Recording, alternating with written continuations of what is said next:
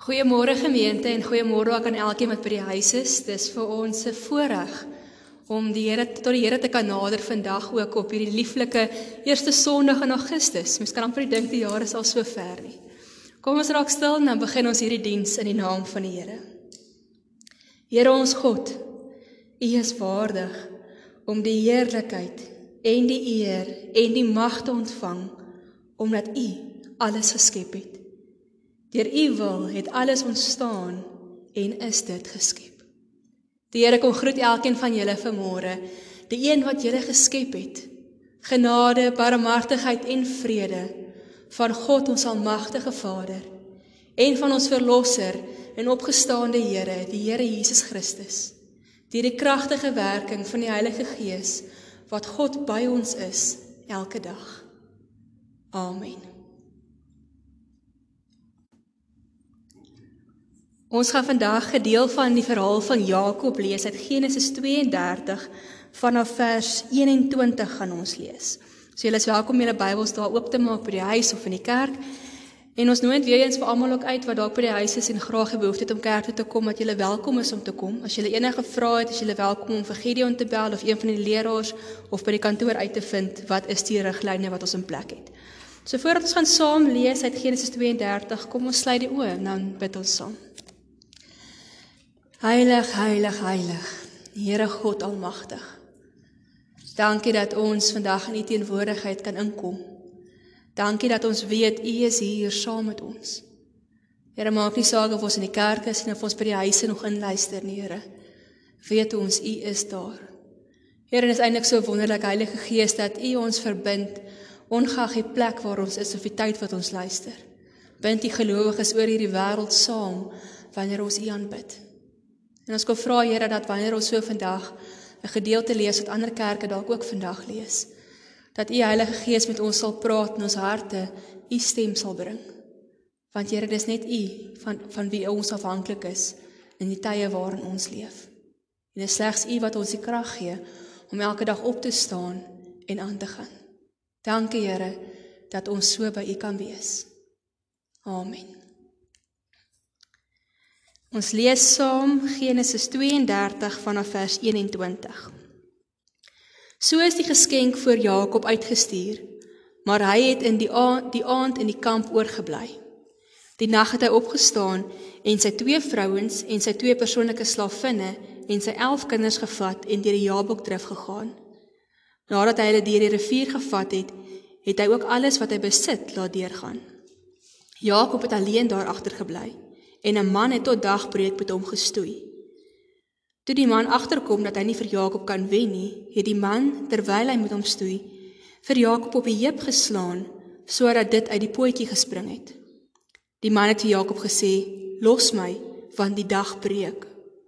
Jakob het geantwoord: "Ek sal jou net los as jy my seën." Toe vra die man: "Wat is jou naam?" En hy antwoord: "Jakob." Die man het gesê: "Jy sal nie meer Jakob genoem word nie, maar Israel, want jy het teen God en teen mense 'n stryd gevoer en jy het dit end uit volgehou."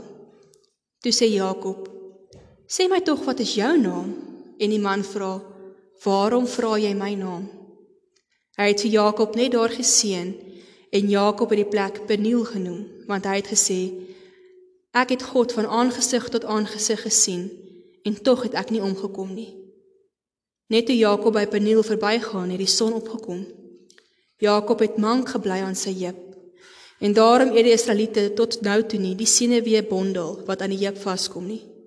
Want die man het vir Jakob teen sy heup geslaan op die heup senuwee. Ons lees tot daar. Nou ons het vandag 'n gedeelte van die Jakob verhaal gelees. Nou net om julle geheue te vervlug te verfris. Jakob se storie kom nou al eintlik 'n lang tyd. Jakob was een van Isak se tweeling wat gebore is. Jakob en Esau. Maar Esau was die eers eersgeborene en met die geboorte het Jakob aan die hakskeen van Esau vasgehou en daarom het hy die naam Jakob gekry wat iets beteken soos hakskeen. Maar soos die jare aangestap het, was Jakob baie jaloers op Esau wat die eersgeborene was. En ek dink julle almal onthou die storie van hoe hy vir Esau ooreed het om met 'n pot lensiesop sy eersgeborene reg te verkoop.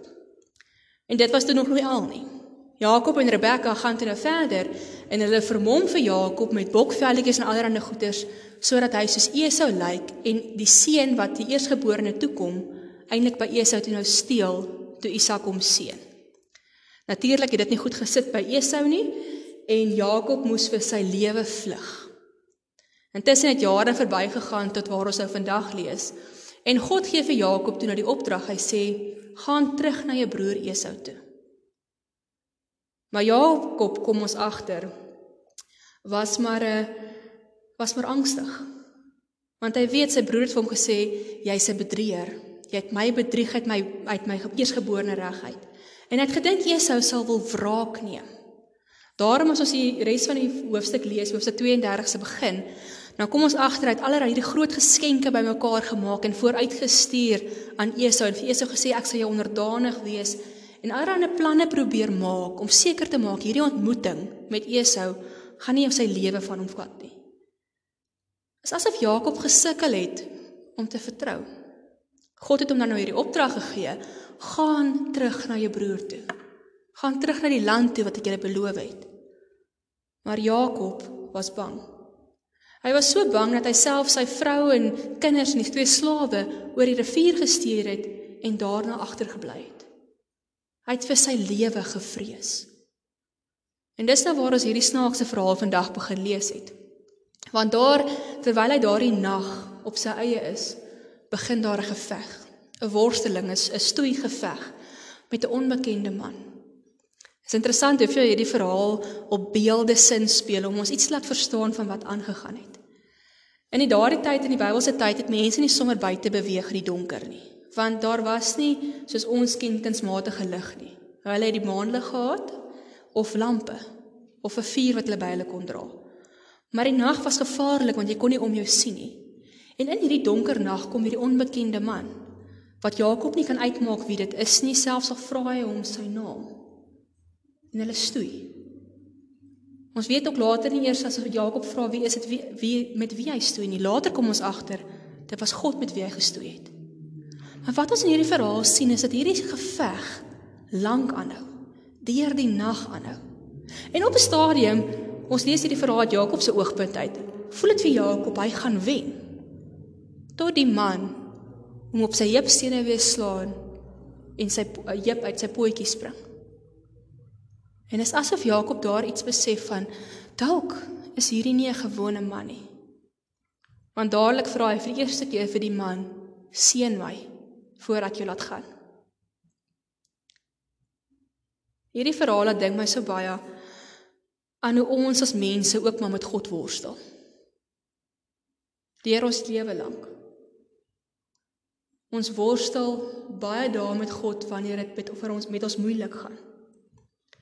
Want selfs as God vir Jakob hierdie opdrag gegee het en gesê het, gaan na jou broer toe, gaan terug na jou land toe, het hy allerlei eie plannetjies probeer maak om hierdie ding te laat werk die geskenke, die slawe wat hy vooruitstuur, die goed om sy eie veiligheid te verseker.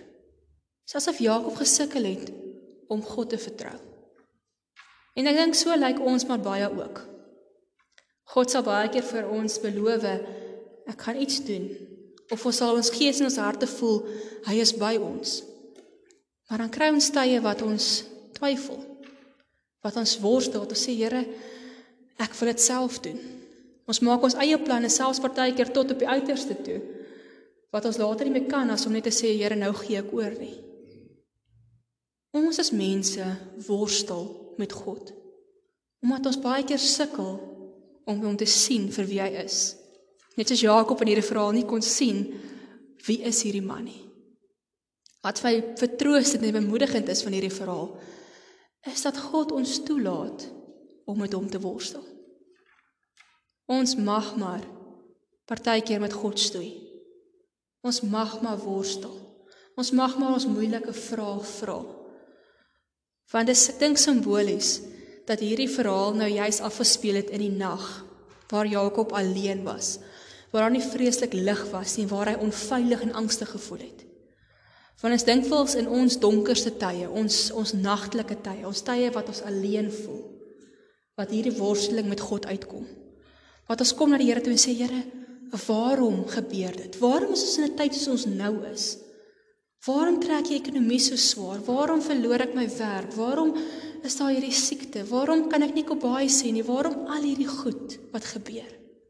Dis ons donkerste nag wat ons met God stoei. En dan is dit goed om te hoor ons mag met God stoei. God het na Jakob toe gekom. Hierdie man het na Jakob toe gekom, daar waar hy angstig was, en met hom begin worstel. So dalk is dit wat ons nodig het om vandag ook te hoor. Ons mag in ons moeilike tye vir God die moeilike vrae ook vra. Deur die Bybel is daar soveel sulke verhale. Soveel getuienisse van hoe mense met God worstel. Hoe dinge nie altyd vir ons vanselfsprekend is nie en maklik is om te verstaan nie. Ek dink aan aan die hele boek van Job wat daaroor gaan.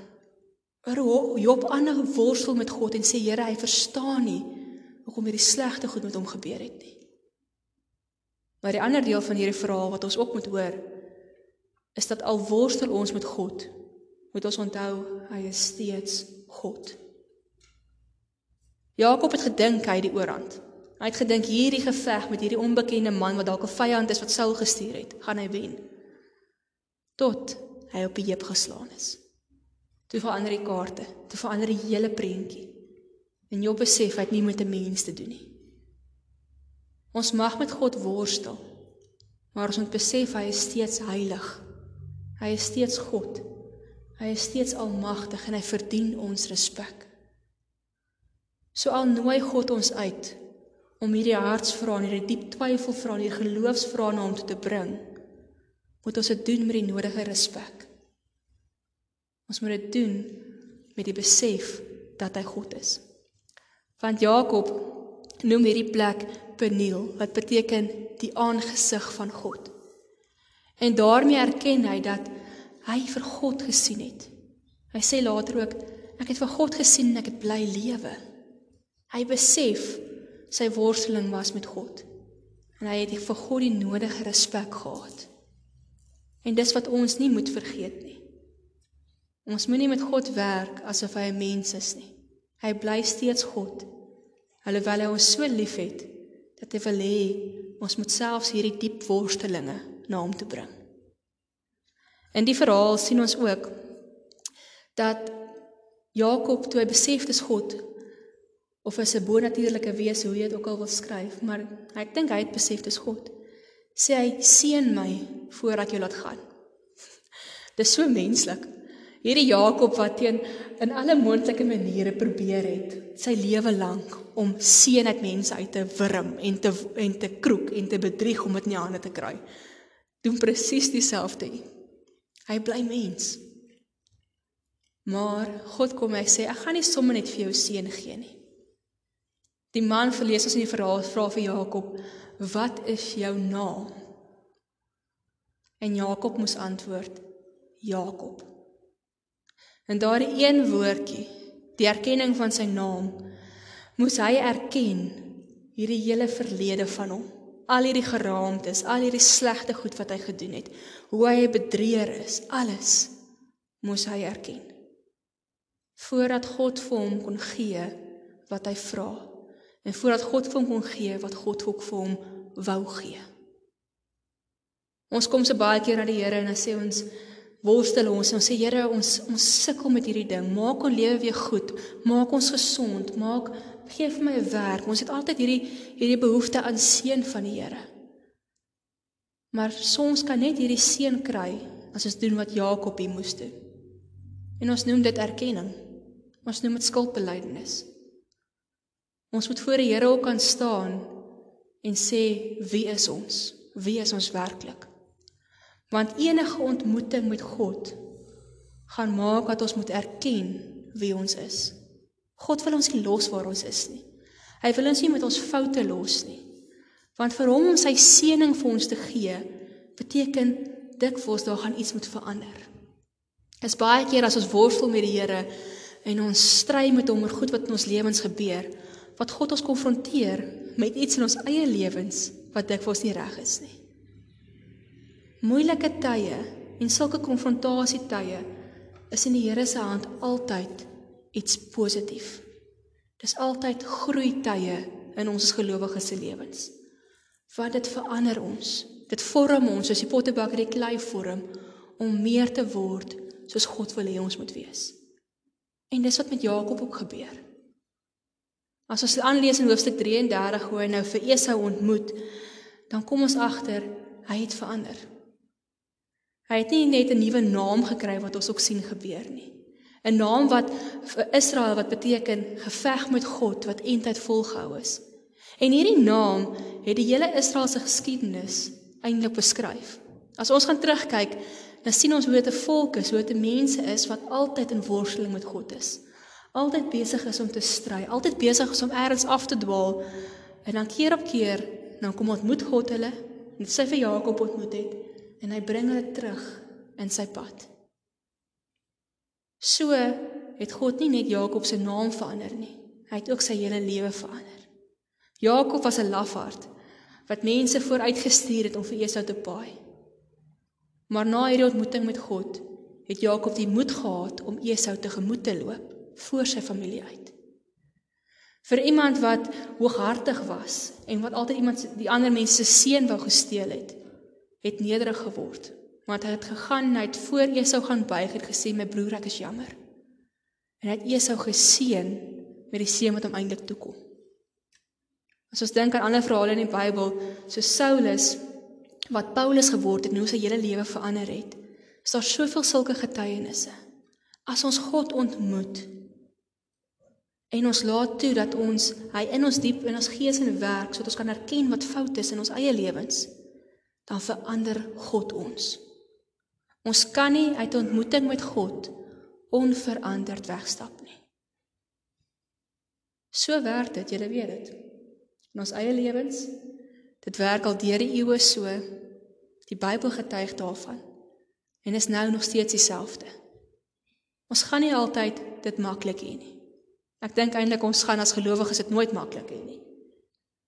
Maar as ons saam met God hierdie pad stap, sal hy ons verander sodat ons die seën kan kry wat hy vir ons beloof. Sodat hy ons kan verander soos hy wil hê en verander en maak die mense wat hy wil hê ons moet wees. Want dit is interessant dat die seun wat Jakob gekry het by die man wat ons later uitvind God is, ook nie beskryf word nie. In baie ander plekke in die Bybel sal ons hierdie uitgebreide seën lees van presies wat met hom gaan, wat met die persoon gaan gebeur en, en hoe hulle toekoms gaan lyk. Maar hierdie een hoor ons net Jakob is geseën. En is dalk met rede so. Want dalk is die seën wat ons van God af kry, Nie die goed wat ons altyd vra nie. Nie dit wat ons van God kry om ons eie te maak en weer onsself te verwesenlik nie. Dalk is die seën wat ons van God af kry, juist die wete dat God saam met ons veg. Dat God saam met ons worstel in hierdie lewe. Dat hy saam met ons die pad stap, selfs in ons donkerste nagte. Ook in die tye wanneer hy ons konfronteer, wanneer hy met ons worstel oor ons lewens. En dan voor alles dat hy ons die gees gee om te verander. Dalk is ons grootste seën, die seën wat Jakob hier beleef het, nie dit wat hy gekry het na die tyd nie. Maar die feit dat hy besef het God stap steeds saam met hom die pad, maak nie saak wie hy is nie. En dit is ware seën. Dit maak ons ware begenadigdes. Een van die goed wat ek gelees het hierdie week sê Jakob het verander van 'n bedrieger na 'n begenadigde. En dit is ons almal se storie maar. So maak nie saak waar jy vandag in jou lewe is nie. Dalk as jy op 'n plek wat jy worstel met God oor moeilike geloofsvrae. Dalk as jy op 'n plek wat God met jou worstel, met jou besig is oor dinge in jou lewe wat nie reg is nie. Dis 'n goeie plek om te wees. Al is nie altyd lekker nie. Jakob het mank weggestap sodat hy altyd moes onthou. Saulus het met tydelike blindheid weggestap sodat hy nie moes vergeet nie. So werk God met ons. So maak nie saak waar jy is nie. Besef dat jy vandag as jy eenvoudig omdat die Here saam met jou op pad stap, geseënd. God worstel met ons omdat hy ons liefhet. En hy bly steeds God wat vir ons die beste wil hê. Selfs in hierdie moeilike tyd waarin ons is. Kan ons net elke keer na hom toe kom en sê Here, alleen van U kom ons help. So kom ons sluit die oë en ons bid saam. Dankie Here dat U met ons kom worstel. Dat U nie omgee vir ons moeilike vrae wanneer ons swaar het nie. Dankie Here dat U ons nooit alleen laat selfs in ons donkerste nagte waar ons angstig en bekommerd is nie. Maar dankie Here dat U ons ook nie daar los nie. Dat U ook met ons werk, ons vorm, ons verander sodat ons die mens kan word wat ons moet wees. En sodat die lewe en die seën wat U vir ons wil gee kan waar word in ons lewens. Ja Here, ons name verander dalk nie soos Jakob se naam verander het en Abraham en Sara se naam en Paulus se naam nie. Here, maar ons weet ons naam verander na kind van God toe. Na begenadigde, na die een wat U liefhet. En ons kom sê dankie dat U ons lewens verander. Dat U die goed in ons lewens wat kwaad is en boos is en sonde is, Here, kom uitvat en dat U vir ons soveel meer en mooier dinge moontlik maak. Maar bo alles, Here, dankie dat ons geseënd is omdat ons die voorreg het om saam met U in hierdie lewe die pad te kan stap. Te kan weet U laat ons nooit alleen nie.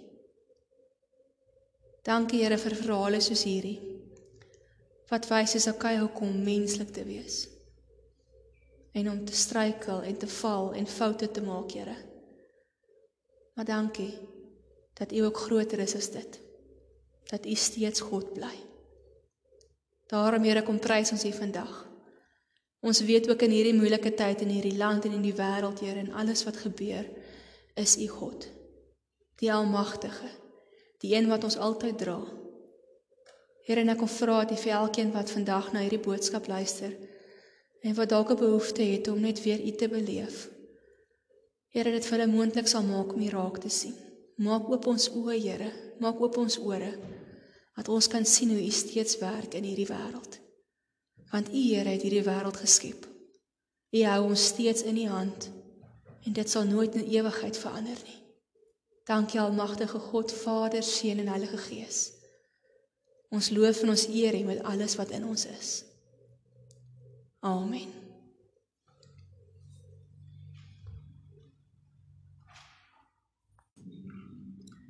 Gemeente mag julle 'n wonderlike week hê wat julle besef vir die Here by julle is in alles wat aangaan en alles wat om julle gebeur. En mag julle uitgaan en weet God laat julle nooit alleen nie. Hê die vrymoedigheid om na hom toe te gaan met al julle vrae, met al julle bekommernisse en weet hy beloof om julle daar ook te ontmoet. Ontvang die seën van die Here en gaan met sy vrede en sy teenwoordigheid hierdie week binne. Die Here sal julle seën en julle beskerm. Die Here sal tot julle redding verskyn en julle genadig wees. Die Here sal julle gebede verhoor en aan elkeen van julle sy vrede gee. Amen.